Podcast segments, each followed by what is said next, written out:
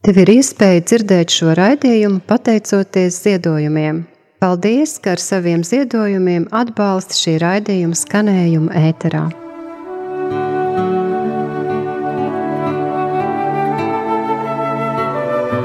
Tu esi brīnišķīgi veidota un mirdzi kā visdārgākā pērle Dieva rokās.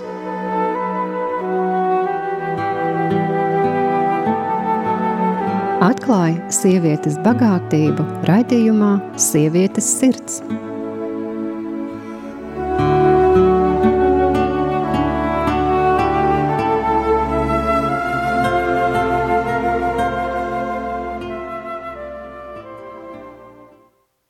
Labvakar, dārgie radio klausītāji! Esam atkal kopā raidījumā Sievietes sirds, un šis jau ir mūsu trešais raidījums.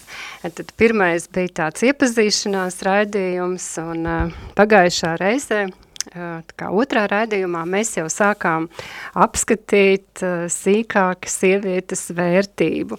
Nu, un šodien turpināsim. Jā, pirms uh, mēs runājam par sievietes vērtību, es gribu pateikties uh, ik vienam klausītājam, arī tiem, kas uh, ir jau uzrakstījuši kādus pateicības vārdus. Paldies, paldies, ka klausāties. Un uh, nebija vien tāda pateicības vārda, bet arī vairākas sievietes rakstīja tādu kā apņemšanos, ka cik vien varēs, tik uh, klausīsies šos raidījumus. Uh, nu, ziniet, uh, kaut vai viena šāda atsauksme būtu saņemta, un uh, tas jau ir tā vērts, ka šāds raidījums skan, un es atkārtošos, teikšu, kā jau iepriekš arī esmu teikusi, ka ir ārkārtīgi svarīgi, lai mēs šos raidījumus veidojam kopīgi, ka nav tā, ka, ka tas, ko es tikai izdomāju, kas, eh, kas varētu būt sievietēm svarīgi, ko būtu svarīgi dzirdēt, bet uh, ir, ir um, es gaidu arī jūsu, jūsu ierosinājums, jūsu jautājumus, jo, kā jau es arī esmu minējusi, tas, kas uh, nu, interesē vienam, tas Eh, noteikti arī kādiem citiem interesē un arī citiem ir svarīgi, bet eh, nevienmēr mēs spējam eh, noformulēt varbūt to mūsu vajadzību, to mūsu jautājumu un nevienmēr arī spēj cilvēki uzdrošināties paust to, to nu, savu vajadzību. Ja? Tā kā drosmīgi speriet savu soli pirmoja un ar, ar to domu, ka, ka tas noteikti noderēs arī kādam citam. Lūk, nu ko, tad uh, iepriekšējā raidījumā mēs sākām apskatīt uh, sievietes vērtību, proti, kas par to ir teikt Salamana pamācības 31.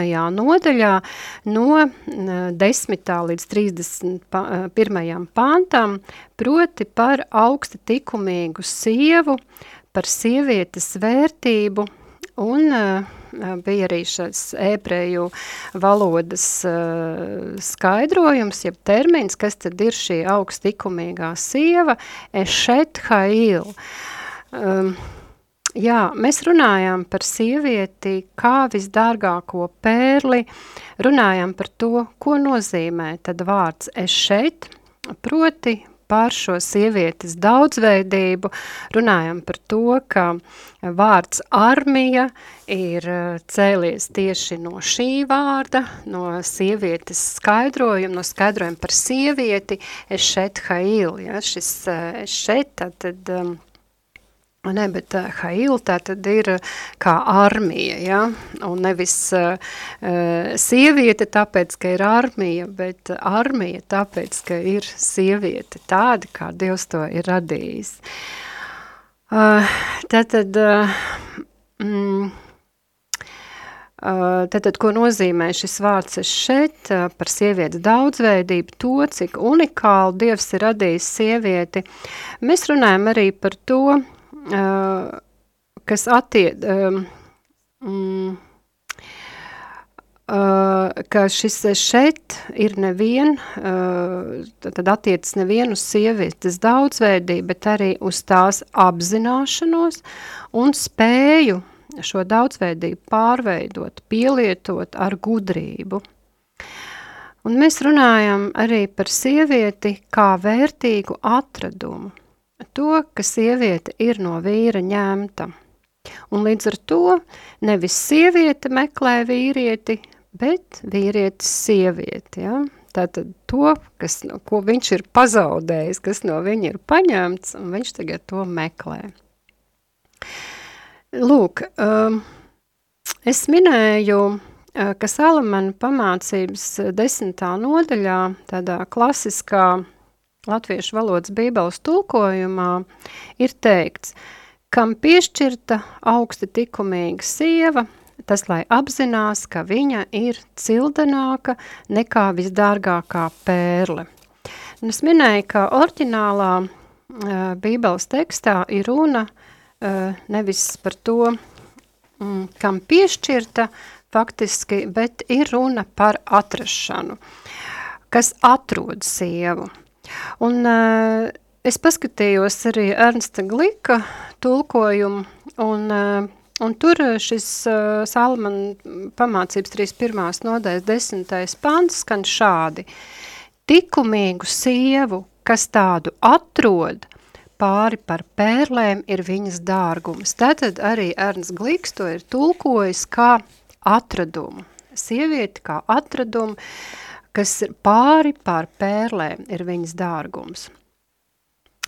Atsaucoties uz šo rakstu vietu, arī Salmana pamācība 18.22 ir teikts, ka sievu atradis, tas atradis labumu un mantojis žēlastību no tā kunga. Es atceros, ka man bija kādas pārunas ar savu vīru kādreiz, un Bija tāds laiks, kad viņš mēdza mani salīdzināt ar citām sievām un sacīja tā, nu, citu sievas tur to dara un citu sievas to. Un es viņam jautāju, saki lūdzu, ar ciku sievām tad tu esi dzīvojis? tu zini, kā, kā dara citas sievas. Un kādā citā reizē es teicu, Uh, zini, ko? Bet tas, protams, uh, lai es tā varētu pateikt, uh, tas bija process, nu tāda izaugsme manā sievišķajā identitātē. Jo, ja mēs runājam par atrašanu, manuprāt, es arī pagājušā reizē to pieminēju, ka arī mums pašām ir jāatrod sevī šīs lietas, šīs vērtības, šīs rakstura īpašības, šīs spējas, tas, ko Dievs mūsos ir ielicis. Un, protams, ka tas ir tādā, nu, ciešā saiknē kopā ar Dievu, tādā sadarbībā ar viņu, mēs varētu teikt, jo uh, nu, tas, tas, protams, ir atsevišķas tēmas uh, par to, nu, ko mēs arī, ja Dievs tā atļaus, mēs arī runāsim par to, uh, arī par mūsu attiecībām ar Dievu, ar uh, mūsu attie, teiksim, attiecības ar Dievu kā tēvu, attiecības ar svēto garu un attiecības ar Dievu kā Ješua, kā Jēzu, mūsu klāpēju. Un te mēs nerunājam par trim dieviem, bet par vienu Dievu, kas ir uh, trīsvienības persona. Uh, un, un ja mēs runājam par Dievu tēvu, tad uh, es esmu savā dzīvē sastapusi uh, daudz, ne tikai sievietes strādāja arī un konsultēja arī vīriešus eh, dvēseles dziedināšanas jomā, eh, kas eh, zina vārdu, zina, kas ir bībelē teikts, zina, kas ir teikts par Dievu, un zina, ko Dievs saka par cilvēkiem, bet nespēja to asociēt ar sevi. Un tas ir tamdēļ, ka mēs esam noticējuši ļoti daudz meliem par sevi par savu identitāti, par to, kādi mēs esam, un eh, Dievam ar to nav nekāda sakara. Vienkārši cilvēki savas uzvedības, nu, tātad viņu uzvedība no mūsu bērnības, un ne tikai no bērnības, arī jau, kad mēs bijām mātes miesās, ja, tad, tad mēs esam par sevi noticējuši kādiem meliem. Un arī dzen par meliem, kāds ir Dievs, un cilvēki saka, bet es jau bērnībā neticēju Dievam. Šeit nav nekāda sakara ar to, vai mēs ticējām, neticējām, vai mēs augām kristīgā ģimenē vai nē. Eh, vienkārši mums eh, veidojas šis priekšstats dēļ cilvēku rīcības, mums veidojas priekšstats eh, par Dievu. Dēļ tēva rīcības mums veidojas priekšstats par Dievu kā par tēvu. Nu, tad, lūk, atgriežoties pie tā mana stāsta, tad, jā, šis bija tāds process caur Mm, nu, tāds, ka Dievs bija mans līdzgaitnieks, viņš man pamazām, uh, pamazām mācīja, vadīja un uh, atklāja šīs lietas, uh, kas ir mūsos kā sievietē, un es varēju ieraudzīt sevi kā šo visdārgāko pērli, kas mirdz Dieva rokās. Un arī dzen vienlaicīgi par to, kāds tad ir mans radītājs, mans mīļais tētis. Un, eh, lai cik eh, labs ir mūsu zemes tēvs bijis, eh, protams, ir arī ārkārtīgi daudz cilvēku, kas ir uzauguši bez tēva, vai, vai viņš ir tikai skaitījies, vai arī varbūt kādas ļaunas lietas ir mūsu tēvi darījuši, mūsu tēvs darījis, bet tāds nekad nav mūsu debesu tēvs, un, un arī lai vislabākais zemes tēvs mums būtu bijis, kādu vien mēs varētu iedomāties, vienalga, cilvēks nav pilnība, pilnīgs ir tikai Dievs, un, un, un vienalga mēs ar kādu varbūt iztrūkumu varam saskarties, tad Dievs viņš dod šo pilnību, jo, jo viņš ir pilnība. Un ka mēs varam tiešām nevis tikai teorētiski uz to paskatīties, kā ka mēs esam Dievu rokās, bet tiešām arī praktiski to izbaudīt. Ja? Lūk, un Nu, lūk, un tad kādā citā reizē jau, kad es jau biju diezgan jau nostiprinājusies šajā, nu, gribas teikt, cildanās pērles identitātē, tad es uh, vīram teicu tā, ka, zini, ka ja tu man kādreiz vēl gribēsi salīdzināt ar citām sievietēm, tad tu rēķinies ar to, ka tev būs darīšana ar manu tēti, ar manu radītāju, kas ir ķēniņa ķēniņš, es esmu viņa meita, viņa princese, un viņš mani aizstāvēs. Un, un patur prātā to, ka viņš man ir iedevis vislabāko vīru, kādu viņš vien varēja iedot. Nu, tajā brīdī tie mani vārdi vairāk bija teorētiski, man negribējās to teikt viņam, ja es biju dusmīga, bet es to pateicu, un es teicu, un viņš tev ir iedevis vislabāko sievu, kādu vien viņš varēja iedot. Un uh, tas pārsteidzošais bija tas, ka viņš uh, nekad mani vairāk nemēdza salīdzināt ar uh, citām sievietēm, bet uh, sāka mani ieraudzīt kā šo viscildenāko pērli, uh, Jo par to mēs arī eh, kādā no nākamajiem raidījumiem runāsim, eh, kas ir jau eh, Salamana pamācības augstikumīgas sievas aprakstā jau nākamajos pantiņos, kur ir teikts, ka viņas vīra sirds uz viņu paļaujas, ja, un tur ir runa par ticību, kad vīrs tic, ka vīrs tic tam, ko sieva saka, bet, ko sieviete saka, bet tad šī pirmā lieta ir, ka mums pašām ir jānāk jānotic. Un tad, kad es šo pateicu jau ar šo simtprocentīgo pārliecību par to, kas es esmu, tad uh, vīrs vairs nesalīdzināja mani ar, uh, ar citām. Ja līdz tam es to teicu, uh, tad līdz ar to es varēju salīdzināt, kas bija pirms tam, kāpēc līdz tam nekas nemainījās, lai gan es tam spirinājos pretī, Un, un, un, un kāpēc mainījās tāpēc, vīra attieksme? Tāpēc, ka mana attieksme pret uh, sevi mainījās, un es tā, ja tā var teikt, līdz kaulam noticēju, kas es esmu, kāda es esmu. Lūk, uh, tā tad, uh, jā, pie kā mēs palikām, tā tad, kam piešķirt augstikumīga sieva, uh, nepiešķirt, tad mēs jau nonācām līdz tam, kas atrod tātad tikumīgu sievu, kas tādu atrod pāri par pērlēm, ir viņas dārgums. Un, kas sievu atradis, tas atradis labumu un mantojis žēlastību no tā kunga. Tātad te ir runa par to, ko es arī savam vīram teicu, ka viņš tev ir iedevis vislabāko, ko viņš ir varējis tev iedot, tātad, uh, tā ir tā kunga žēlastība, ja, ka viņš tevi ir iepriecinājis ar vislabāko sievu. Ja. Lūk, runājot par to vērtību, kas ir mūsos, ja, Dievs katrā sievietē ir ielicis arī ārkārtīgi lielu spēku, uh, pārvaldīt, tad ne tikai prasmi, bet arī pārvaldīt um, tās vērtības, ko Dievs ir ielicis. Protams, uh, ka tas ir jāapzinās mums. Un Salamana pamācības 12.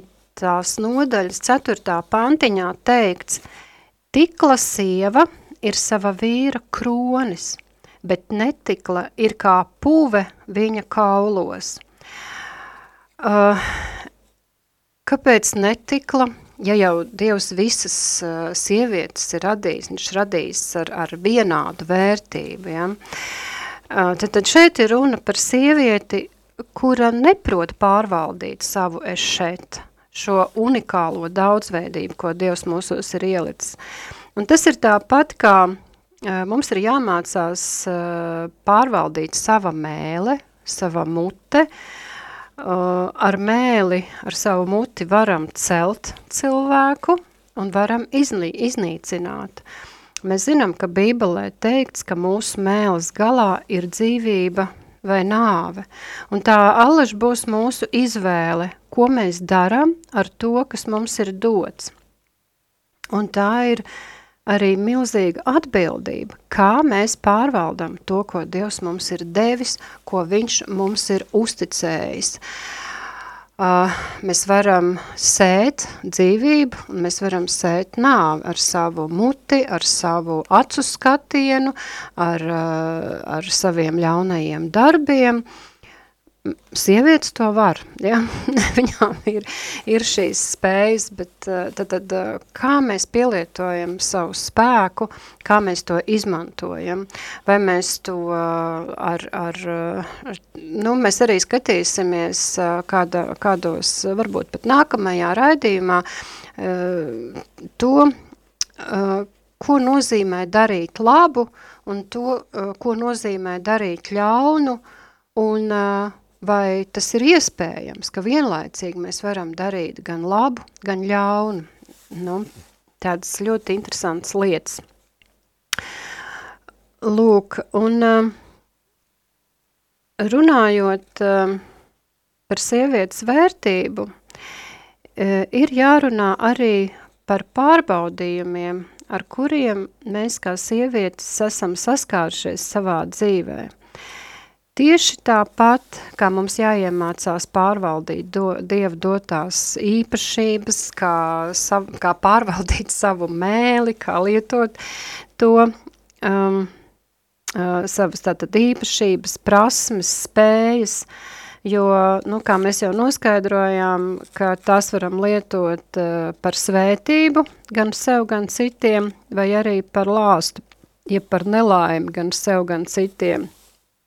Tad lūk, pārvaldīt to, ko mēs darām ar saviem dzīves notikumiem un kā mēs uz tiem paskatāmies. Mēs uz vienu un to pašu dzīves situāciju varam paskatīties, paraudzīties kā uz svētību vai paraudzīties kā uz drāmu. Viena cilvēku dzīvi mēs skatāmies kopumā, varbūt ne, ne kāds atsevišķs notikums, mēs varam paraudzīties uz to kā uz svētību, paraudzīties uz to kā uz drāmu. Uh, tikko atceros, uh, ka uh, pirms mēneša biju bērēs, pirmo reizi biju bērēs, kur neko nepastāstīja par šo aizgājēju.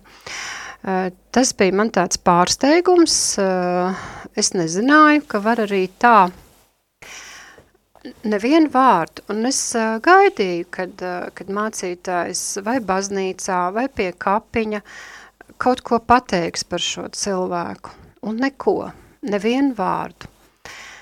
Un pēc tam es uh, tādiem tuvākiem tuviniekiem jautāju, vai ir radies kāds pārpratums, kāpēc nekas netika pateikts par aizgājēju. Un uh, šī atbilde bija sekojoši, ka sieviete, kurai es to jautāju, viņa teica, es domāju par to, vai teikt vai neteikt kaut ko, bet nolēmu nē, jo tā dzīve bijusi tik smaga, vai vajadzēja to cilāt vēlreiz. Un, un uz šo neviļus ir jāpaskatās uz šī aizgājēja dzīvi, kā uz kaut ko ārkārtīgi dramatisku, kā uz, eh, nu, ka viss ir bijis tikai slikti. Bet tā taču nav. Mēs ejam dažādiem pārbaudījumiem cauri. Uh, jautājums, ko mēs tajā saskatām? Uh, bija kāda tuva radiniece, kurai, eh, nu, Allež, kad viņai jautāja, kā tev klājas, viņa vienmēr atbildēja, nekā laba jau nav. Nekā laba nav. Un uh, vairs nezini, kā turpināt šo sarunu, jo cilvēkam viss ir slikti. Un arī, jā, smagi dzīve, smagi pārbaudījumi, bet nespēja neko saskatīt, ne to, ka, ka tev ir mazbērni vai uh, vai ka tu esi pārticis, ka tu esi apģērbies, tu dzīvo mierīgā valstī, vai nu ir taču tik daudz lietas, uz ko mēs varam paskatīties pozitīvi, bet nekā laba nav. Uh, Un arī tāds mūsu priekšstats varbūt veidot, paskatoties uz cilvēku, ja? es pati esmu piedzīvojis to, ka, kad kādā dievkalpojumā mm, es raudu. Es raudu, tāpēc, ka es esmu nu, tādu dievu pieskārienu sajutusi, svētā gara pieskārienu, man ir pateicības pilns sirds, un es gribu tādā, nu, nu, tādā, nu, nu, maksimāli izbaudīt to. Man nāk viens cilvēks klāt, nāk vēl viens, nāk uh, vēl viens, un šie cilvēki ir norūpējušies par to, ka kas man kaiš, vai jums viss kārtībā, vai jums viss labi, kā jums palīdzēt, gribas teikt, nu, liekat man mierā, man viss ir labi, es vienkārši baudu Dievu klātbūtni, bet acīm redzot, nu, šie cilvēki, kas bija norūpējušies par to, ka man ir kāda nelaima notikusi, tāpēc, ka es raudu, nav piedzīvojuši, ka mēs tādā lielā pateicībā varam raudāt, ja, un būt, nu, būdami Dieva klātbūtnē.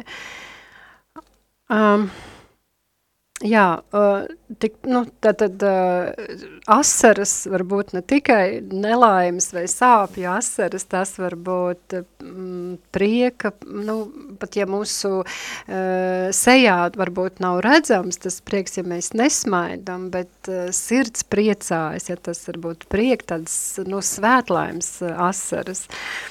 Lūk, um, mēs, eh, kas ir bijuši Izrēlā, ja, un pie raudu mūra, eh, tur arī cilvēki raud, tad mēs arī varētu paskatīties uz, eh, uz katru šo cilvēku, kā uz ārkārtīgi nelaimīgu, ja, mēs nezinām, kāpēc šis cilvēks raud, viņš ir atnācis pateikties varbūt Dievam, un tās ir viņa pateicības asaras.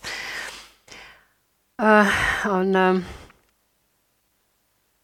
Jā, nu tad, tad tas ir tas, kā cilvēki redz situāciju. Ja? Tad, tad, ja raud, tad viss ir tikai slikti. Um, es uh, atceros tādu teicienu arī, ja cilvēks saka, uh, laime nelaimē. tad caur varbūt tiem pārbaudījumiem, kurus mēs esam piedzīvojuši, mēs ieraugam, ka faktiski mēs esam laimīgi, ja, jo tas ieguvums ir varbūt daudz lielāks. Acīm redzot šo teicienu, ir teicis kāds dzīves gudrs cilvēks. Un uh,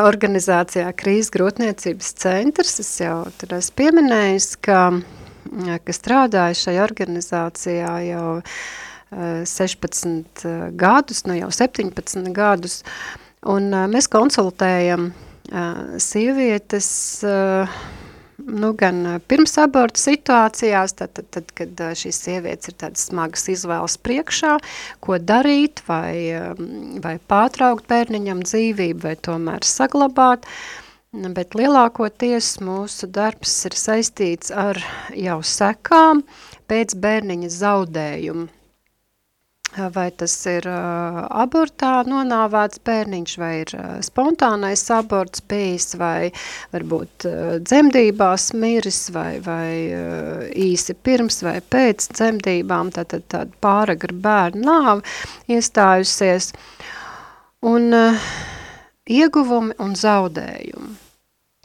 Un uh, šķiet, nu, tik, tik lielas sāpes sieviete ir piedzīvojusi, nu faktiski jau ne tikai sieviete, arī bērnu tēvs, nu tie, tie ar kuriem, kurus mēs konsultējam, tad kaut kādā brīdī mums ir jāuzdod šis jautājums, kas varbūt izklausās nežēlīgs, bet jautājums ir, kāds ir tavs ieguvums?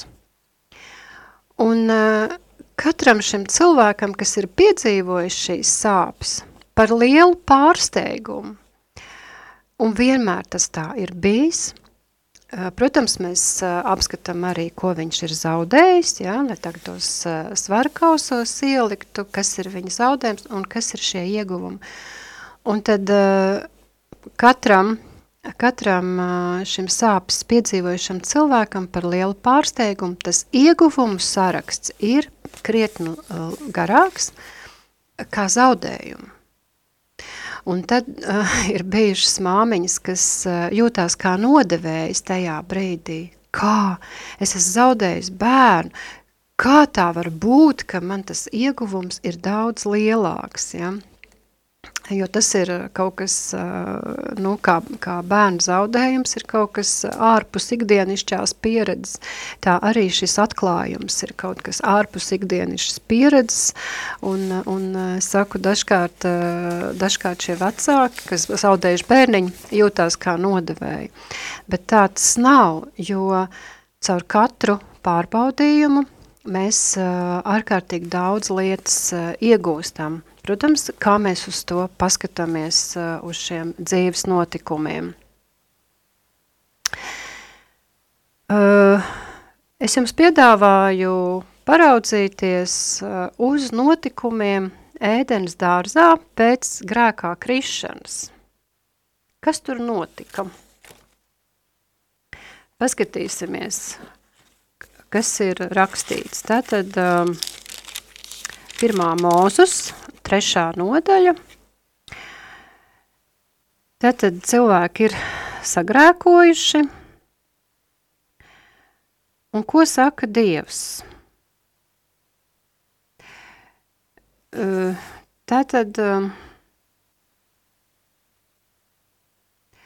mēs kādreiz šo te grēkā krišanas stāstu paskatīsimies tā padziļināti, jo tur arī ārkārtīgi daudz ir pateikts par sievietes vērtību, par atbildību, par vainas sajūtu un daudz citām lietām. Tātad eh, čūska kārdināja, un Dievs tas kungs sacīja čūskai, tādēļ, ka tu to esi darījusi, tu esi nolādēta visu lopu un lauku zvēru vidū uz sava vēdera tev būs līst un pīšļus ēst visas tavas mūža dienas. Tātad 1. mūzes 3, 14 un 16. pantā Dievs saka sievai, tātad, sievai viņš sacīja, vairodams es vairošu tavas sāpes un tavu radību mokas, sāpēs tev būs bērnus cemdēt, un tev būs kārot pēc savu vīra, un viņam būs valdīt pār tevi. Šo pirmo daļu skatīsim, vairodams es vairošu tavas sāpes un tavu radību mokās, mokas. Sāpēs tev būs bērns cemdēt. Un liekas, ka sāpes, tātad tas ir kā lāsts, bet uh, viņš nesaka, ka tas ir lāsts. Dievs saka čūskai. Tādēļ, ka tu esi darīju, tādēļ, ka tu to esi darījusi, tu esi nolādēta. Viņš nesaka, ka sieviete ir nolādēta un tāpēc viņai vajadzēs piedzīvot sāpes. Viņš saka, čūskai tu esi nolādēta, visu lopu un lauku zvēru vidū, uz sava vēdera tev būs līst un pīšļus ēst visas tavas mūža dienas. Kas ir pīšļi? Tie ir visur. Visur ir putekļi, visur ir mēsli. Čūska tiek nolādēta ar to, ka viņai nebūs jāpieliek nekādas pūles, lai dabūtu sev barību. Nekādas pūles, jo tas, kas viņai ir nepieciešams, šie pīšļi, tas ir visur. Visur viņa to varēs dabūt. Sievai nāksies piedzīvot uh, dzemdību sāpes. Vai pamanījāt šo atšķirību? tad tāda viegla dzīve, pēc kuras bieži vien mēs kārojam, ka mums būtu tāda viegla dzīve, ka nekas nebūtu jādara, tā nemaz nav svētīga dzīve. Es zinu, ka Eh, ka vecāki bieži vien ir tāda, nu, teiksim, viena daļa, kas ir, eh, nu, kā mēs tautā sakam, situšies, ja, pa to dzīvi, eh, vieni paši, varbūt, nu, īpaši sievietes redzam, vienas pašas audzinājuši savus bērnus, uh, Un, eh, nu, kā censdamās nodrošināt visu to labāko saviem bērniem, lai, lai eh, nebūtu tādas, varbūt, nezinu, tik smaga bērnība, kā mums bija, ja? nu, dažā, nu, cilvēkiem katram ir tā sava motivācija, nu, kā, ko viņš dara ar to, ja? Un ko viņš grib nodrošināt saviem bērniem un kāpēc. Ja? Un tad uh, tas jau pāraug tādā, uh, nu, respektīvi tās robežas netiek noliktas, un šie bērni jau ir pieauguši un vēl, nu, kā mēs sakam, grūž viņiem, grūž viņiem, ja kaut ko, un neļauj šiem, cil, šiem bērniem pieaugt un tādā kā pāraprūpē pāriet jau. Un šie bērni, viņi jau ir pieauguši cilvēki, viņiem ir 20, 25, 30, 35, varbūt jau 40 gadi, un viņi nespēja uzņemties atbildību par savu dzīvi. Tāpēc, ka tas vecāks, kurš ir pieredzējis grūtības, kurš ir pieredzējis sāpes, viņš, viņš nav spējis apstāties un visu laiku skrien tam, tam savam bērnam, nu jau bērnam jau sirmi mati un krunkas pierē, bet vēl skrien ar spilventiņu līdzi. Tā un neļauj šim bērnam uh, piedzīvot svētību pilnu dzīvi, jo neļauj viņam nekad paklupt, neļauj viņam saskarties ar, ar grūtībām, neļauj uzņemties atbildību par savu dzīvi. Jā, tāds um, uh, es uh, redzēju tādu filmu nesen, manuprāt, nosaukums uh, filmas bija Uz nažiem, uh, kur kāds miljonārs, uh, viņam bija četri bērni, un viņš uh, nu, teikt, arī viena no tām meitām, viņa arī bija tādu veiksmīgu savu biznesu attīstījusi, bet uh, viņi nesāka no nulles. Tas, tas vecais vīrs, kuram bija 85 gadi, viņš bija sācis no nulles.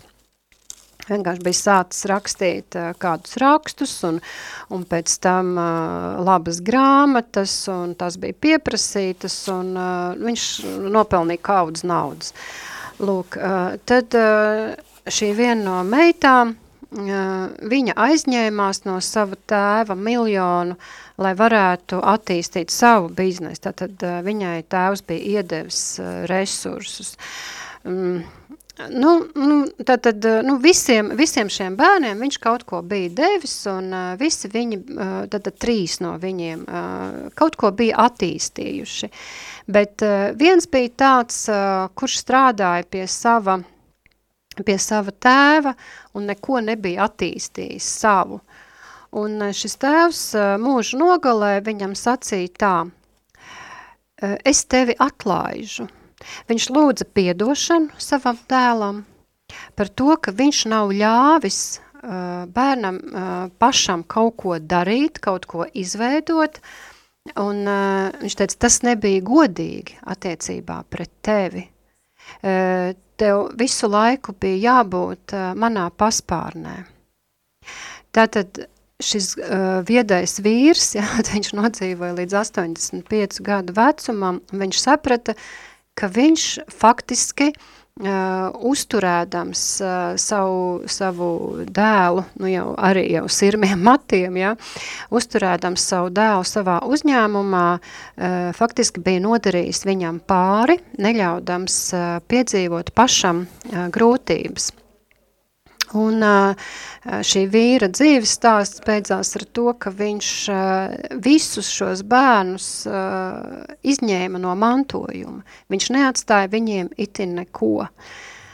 Un, jā, mantojumā tika iekļauta kāda meitene, kas bija viņa aprūpētāja un, un, un tiešām ļoti daudz bija palīdzējusi šim vīram, kurai interesēja uh, kā šim vīram klājās, ja? bērniem, kuriem bija naudas pa pilnam, tas neinteresēja. Lūk, um, kā mēs varam vēl uz savu dzīvi paskatīties? Um, tātad nevienmēr viegli nozīmē labi. Jo viegli var būt mums arī par ļaunumu, par sliktu. Ja? Un, piemēram, ja mēs paskatāmies Bībeles sāras dzīvi, tas ir tāds spilgts piemērs ļoti grūtai, smagai dzīvei. Nu, neapskatīsim sāras dzīves stāstu, bet uh, viņa bija agri zaudējusi vecākus, tātad bija bārene, uh, Jā, viņai nācās arī doties uh, trimdā, kas uh, arī ir ļoti smagi pārbaudījumi un, un daudz dažādu notikumu, kurus varbūt mēs uh, negribētu savā dzīvē piedzīvot. Un, nu, bet nu, tas jau, ko mēs klasiski zinām, uh, ka vis, šis smagākais pārbaudījums bija dzīvot kā bezbērnu sievietei. Un tad uh, jādomā, kādam izmisumam bija jābūt sārai, uh, lai savu vīru vestu pie citas sievietes, lai vismaz eh, kāds bērns būtu mājās. Un uh, ikvien mēs par sāras dzīvi varētu teikt, ak vai, ja, ka mēs noteikti negribētu tādu dzīvi, uh, diez vai kādu no mums tādu mm, izvēlētos tādus smagus pārbaudījumus, bet ir svarīgi, ko pati sāra par savu dzīvi teica mūžu nogalē, un viņa sacīja tā, Visas manas dzīves dienas bija vienlīdz labas. Visas manas dzīves dienas bija vienlīdz labas. Tad, tad mēs varam gausties par to, cik mums ir slikti, tā skaitā, protams, arī Dieva priekšā. Mēs varam ar asarām acīs, arī ar asarām acīs pateikties Dievam par saviem pārbaudījumiem un slavēt viņu. Un tā vienmēr būs atkal mūsu izvēle, ko mēs darām ar savu dzīvi. Uh, mēs esam Dieva pērlis viņa, tātad mūsu radītāja rokās, un vienmēr esam kopā ar viņu. Un pat ja mums tā neliekas. Tad Ešet Hail ir sieviete, kas pareizi, jeb prasmīgi lietos visas dotās iespējas, izmantos to tā, lai uz visu, kas ir mūsu dzīvē, pašas varam skatīties kā uz visdārgāko pērli. Uz visu savu dzīvi skatīties kā uz ārkārtīgu skaistumu un saskatīt to, kas ir mums dots, nevis to, kā mums nav. Jā, pie šiem vārdiem es varētu iepauzēt un gribu piedāvāt jums uh, paklausīties uh, Paula Vilbura dziesmu, 121. psalmu. Es paceļu savas acis uz kalniem, no kuriem gan nāks, palī, no kurienes gan nāks man palīdzība. Mana palīdzība nāk no tā kunga, kas radījis debesis un zemi. Viņš neļaus tavai kājai slīdēt, kas tevi sargā, tas nesnauž. Redzi, Izrēla sargs nesnauž un neguļ. Tas kungs ir tavs sargs, tas kungs ir tava pēna, tev pa tavu labo roku. Kā dienā saule tevi nespiež, nedz mēnesis naktī. Tas kungs, lai tev pasargā no visa ļauna, viņš, lai pasargā tavu dvēseli. Tas kungs, lai pasargā tavu iziešanu un ieiešanu no šī laika mūžīgi.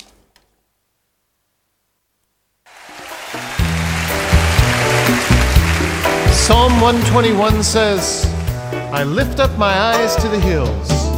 Where does my help come from? My help comes from the Lord, maker of heaven and earth.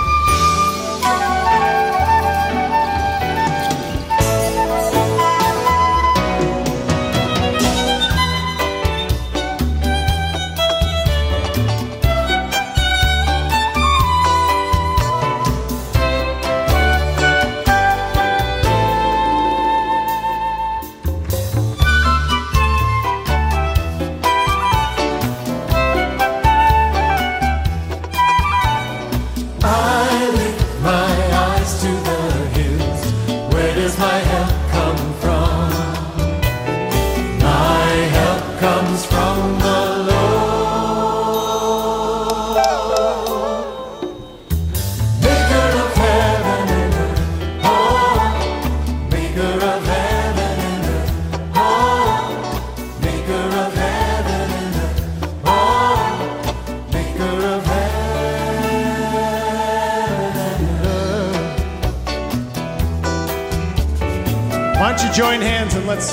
together? Behold how good, how pleasant it is.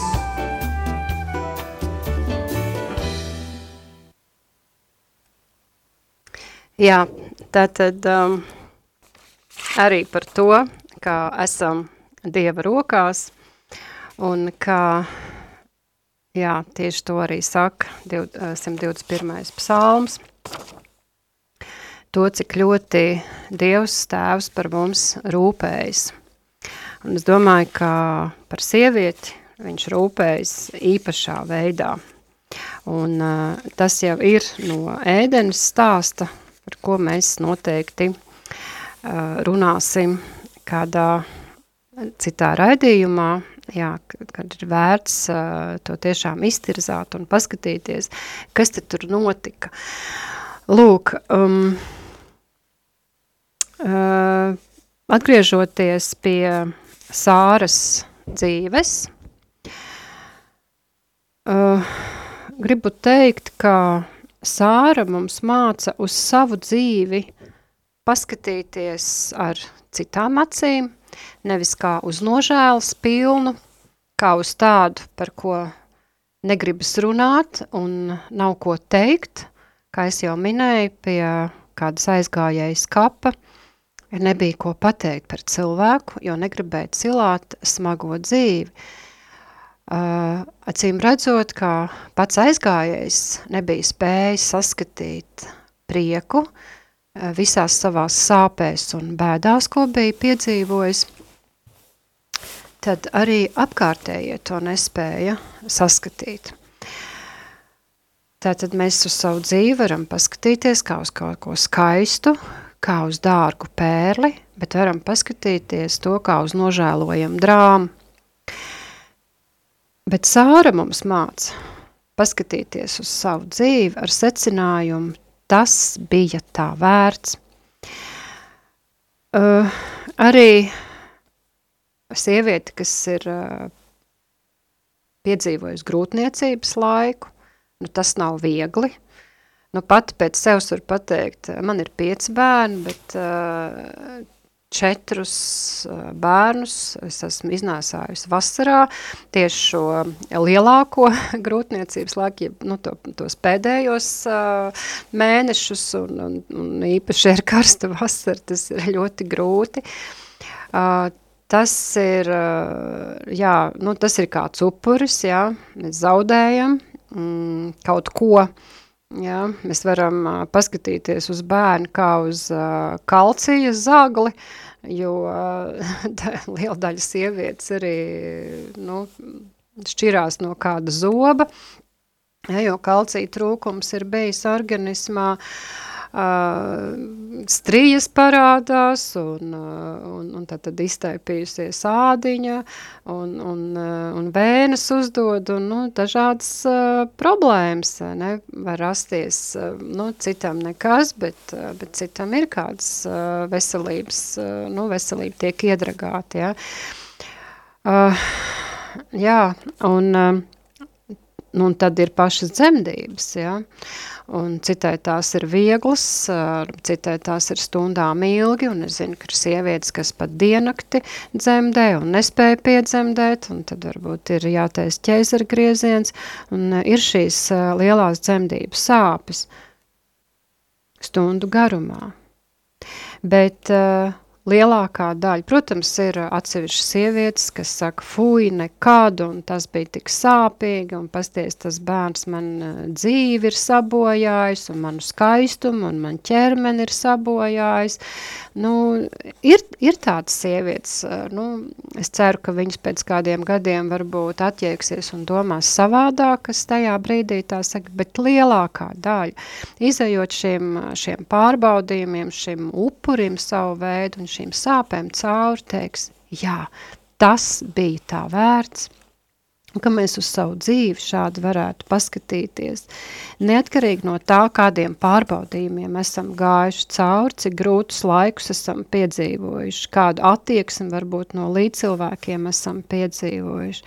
Bet, ka mēs varam teikt, jā, tas bija šo sāpju vērts. Tātad te nav runa tikai par dzemdībām, jā, bet uh, par jebkuru dzīves notikumu. Uh, cik daudz, mēs varam to paskatīties, cik daudz svētības Dievs ir devis, cik daudz savas mīlestības parādījis. Un uh, sieviete Ešet Hail ir sieviete, kas ieraug šīs lietas, lietas, par ko pateikties. Un uh, šī uh, sieviete Ešet Hail viņai ir spējas nesalīdzināt sevi ar citiem, bet būt laimīgai tajā, kas ir dots.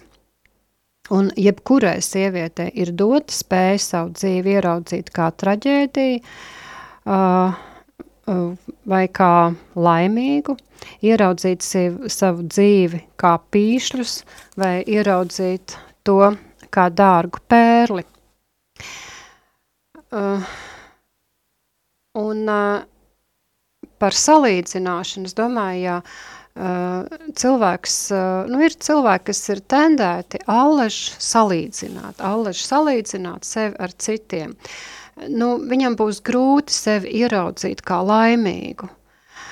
Būs grūti sevi ieraudzīt kā laimīgu, nu, jo arī katram mm, Nu, mēs katrs esam uh, individuāls, un mēs uh, nevarēsim izdarīt tās lietas, ko var izdarīt cits cilvēks. Atceros uh, kādu situāciju, kad uh, mm, strādāju dā, ārzemju uzņēmumā, nu, Latvijā, bet, bet uh, ārzemju firmā, un, uh, un vajadzēja manā vietā atrast cilvēku, jo es gāju prom no tā darba un, un tur bija darbs ar, ar, ar institūcijām un bija jāvada sarunas, bija jādibina kontakti un bija arī jāveic apmācības personālam.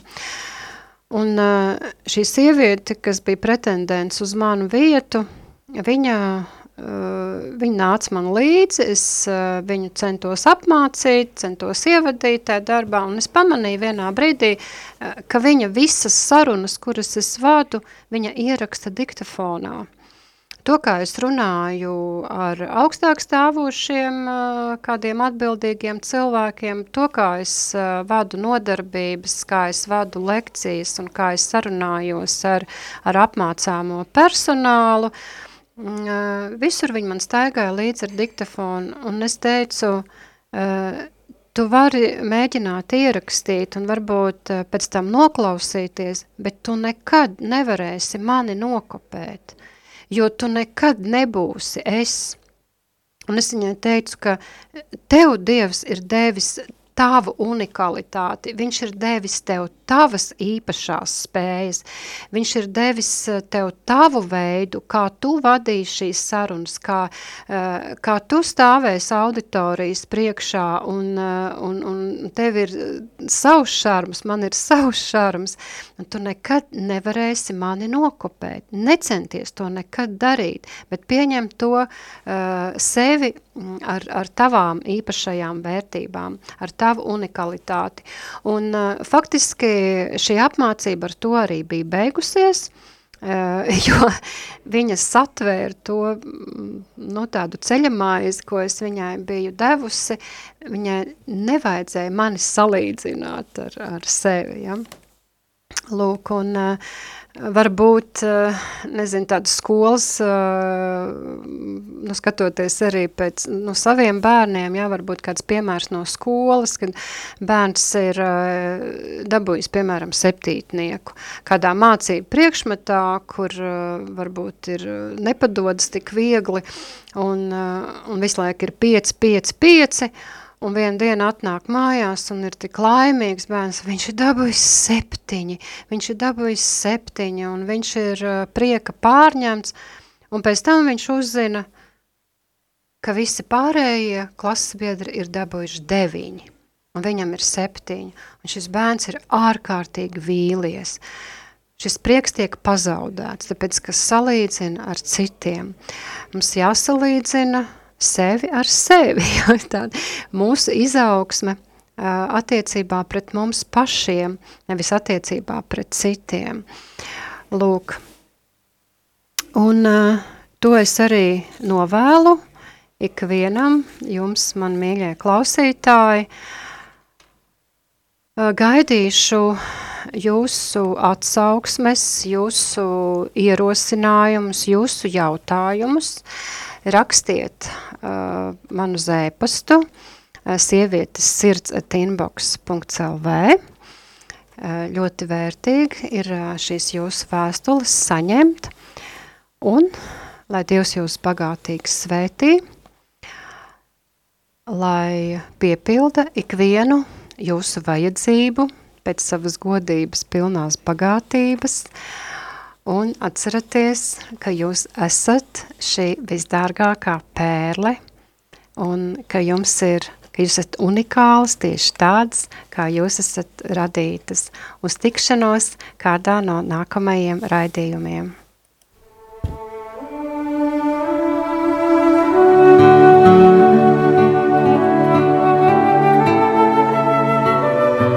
Tu esi brīnišķīgi veidota un mirdzi kā visdārgākā pērle Dieva rokās.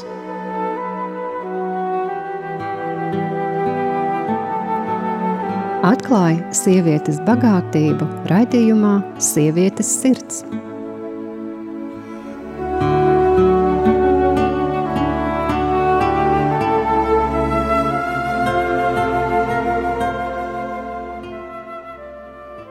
Paldies, ka ar saviem ziedojumiem atbalsta šī raidījuma skanējumu ēterā.